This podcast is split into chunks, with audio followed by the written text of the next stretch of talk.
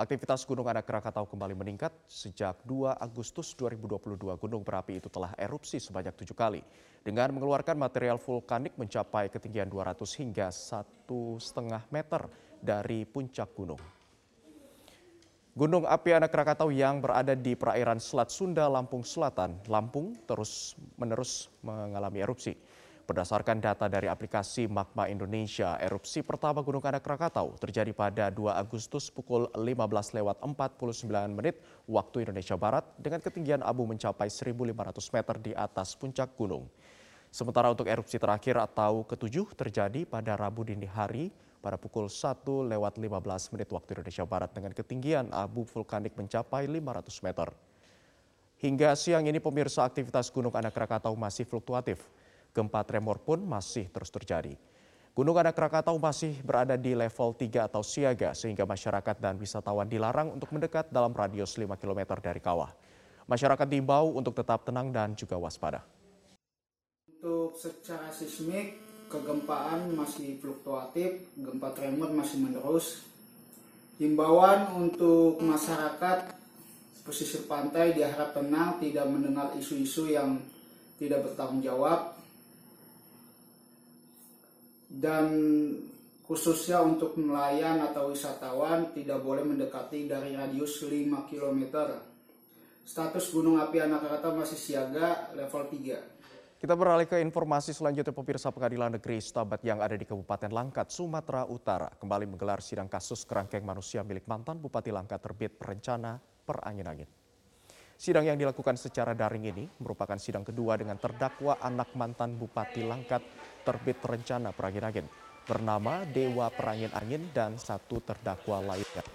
Agenda sidang mendengarkan kesaksian korban bernama Sarian Ginting yang merupakan adik kandung dari Saryanto Ginting, warga desa Purwo Binangun yang tewas di kerangkeng manusia milik Bupati terbit rencana Perangin-Angin. Dalam kesaksiannya pemirsa, Saryandi Ginting menyatakan pihak keluarga memang menyerahkan Suryanto Ginting untuk menjalani proses rehabilitasi narkoba pada tanggal 14 Juli 2021 silam. Namun pada tanggal 15 Juli atau satu hari setelah diserahkan, pihak keluarga diberitahu bahwa Suryanto Ginting telah meninggal dunia karena sakit. Akibat peristiwa ini terdakwa Dewan Dewa Perangin Angin dan Hendra Subakti didakwa dengan pasal 170 KUHP. Dan pemirsa kuasa hukum istri Irjen Verdi Sambo Irwan Irawan menyebut Putri Chandrawati hingga kini masih trauma berat sehingga membutuhkan perlindungan LPSK. Meski sudah mendapat pendampingan psikolog dari Mabes Polri, namun Irwan meminta LPSK untuk segera bertemu dengan kliennya.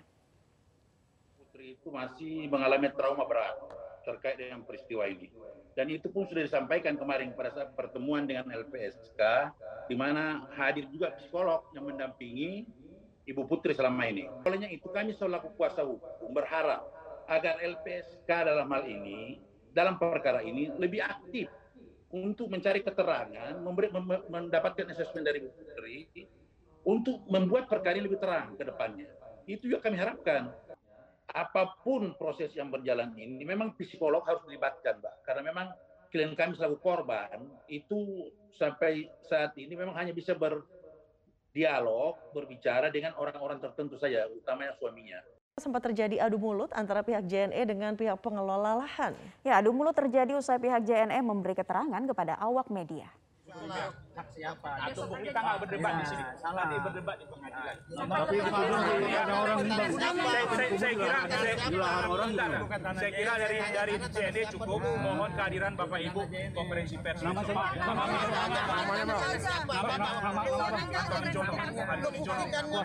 Ya, adu mulut ini terjadi antara pihak JNE dengan pihak pengelola lahan lokasi penimbunan banpres di kawasan Tirtajaya, Sukmajaya, Depok, Jawa Barat pada Rabu siang.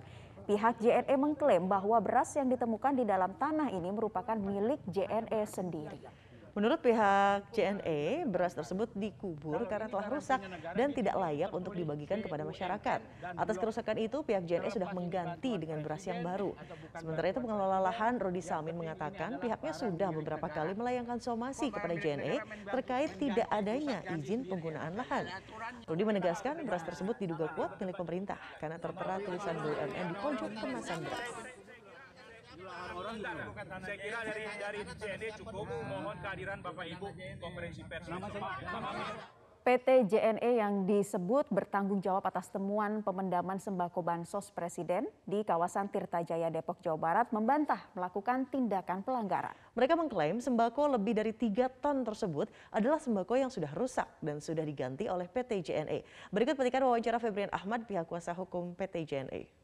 Ya dan pemirsa eh, ini kami mendapatkan informasi bahwa pihak JNE sudah berada di lokasi meninjau. Tadi Bapak meninjau Pak itu bagaimana Pak? Eh, apakah memang itu beras dari milik Bulog atau bagaimana? Mungkin bisa dikonfirmasi lagi. itu itu kan sudah kita sampaikan tadi itu adalah beras milik JNE ya. Bukan beras milik Bulog, sudah kita ganti semua, Pak. Artinya ini adalah beras milik eh, JNE yang sudah Kita konfirmasi itu beras milik JNE dan sudah ada eh, beras tapi itu kenapa bisa sampai dikatakan bahwa ini milik JNE Pak?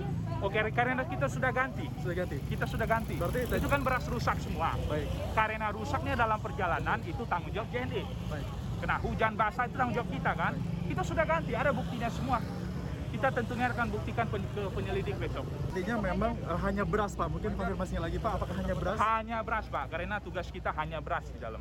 Berarti beras itu eh, dipesan, diambil JNE, kemudian rusak sudah diganti dan itu Sudah ya? diganti 100% dan terdokumentasi dengan baik. Eh, baik. Kemudian Pak, kalau untuk masalah itu ditimbun di lahan itu Pak, itu kenapa Pak? Oh, karena sudah rusak ya tentu kita timbun Pak. Seperti saya bilang tadi kalau sepatu saya sudah rusak, saya mau kubur di halaman rumah saya kan. Baik.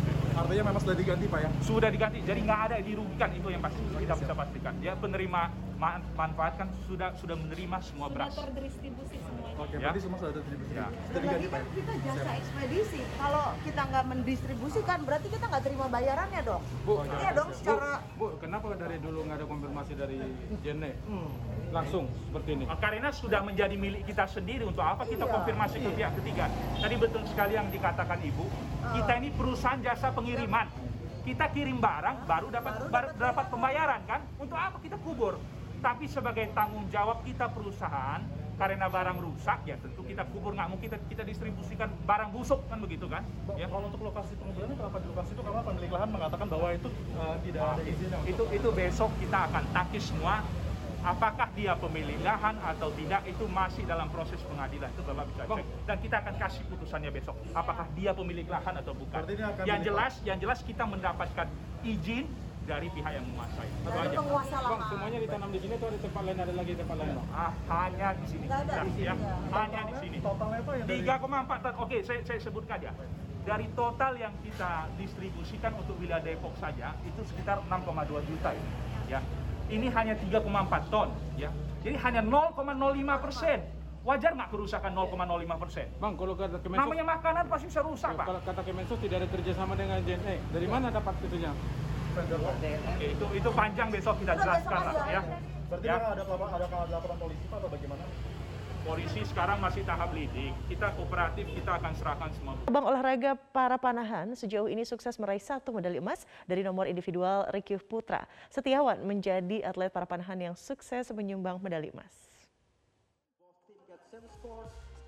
Cabang olahraga para panahan mempertandingkan partai final di nomor recurve di hari kelima penyelenggaraan ASEAN Para Games 2022.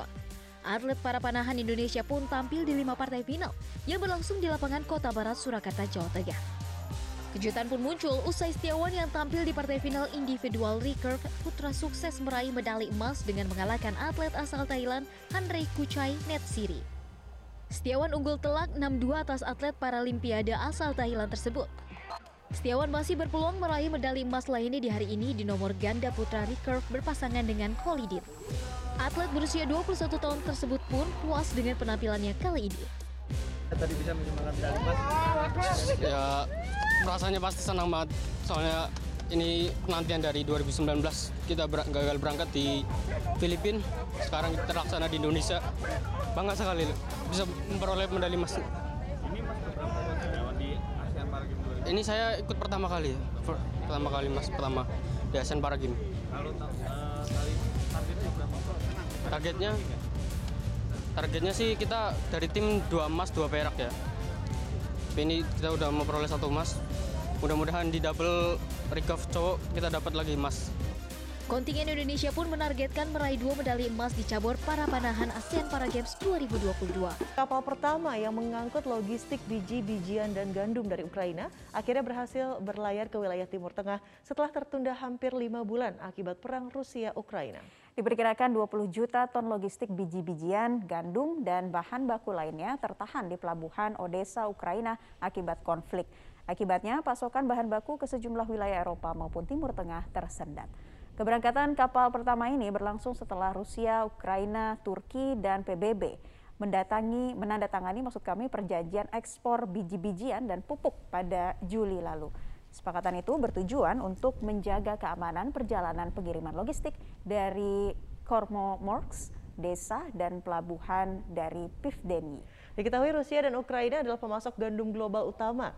Berakhirnya perang Rusia-Ukraina sangat dinantikan dunia agar terhindar dari krisis pangan dan mengurangi kenaikan harga biji-bijian global.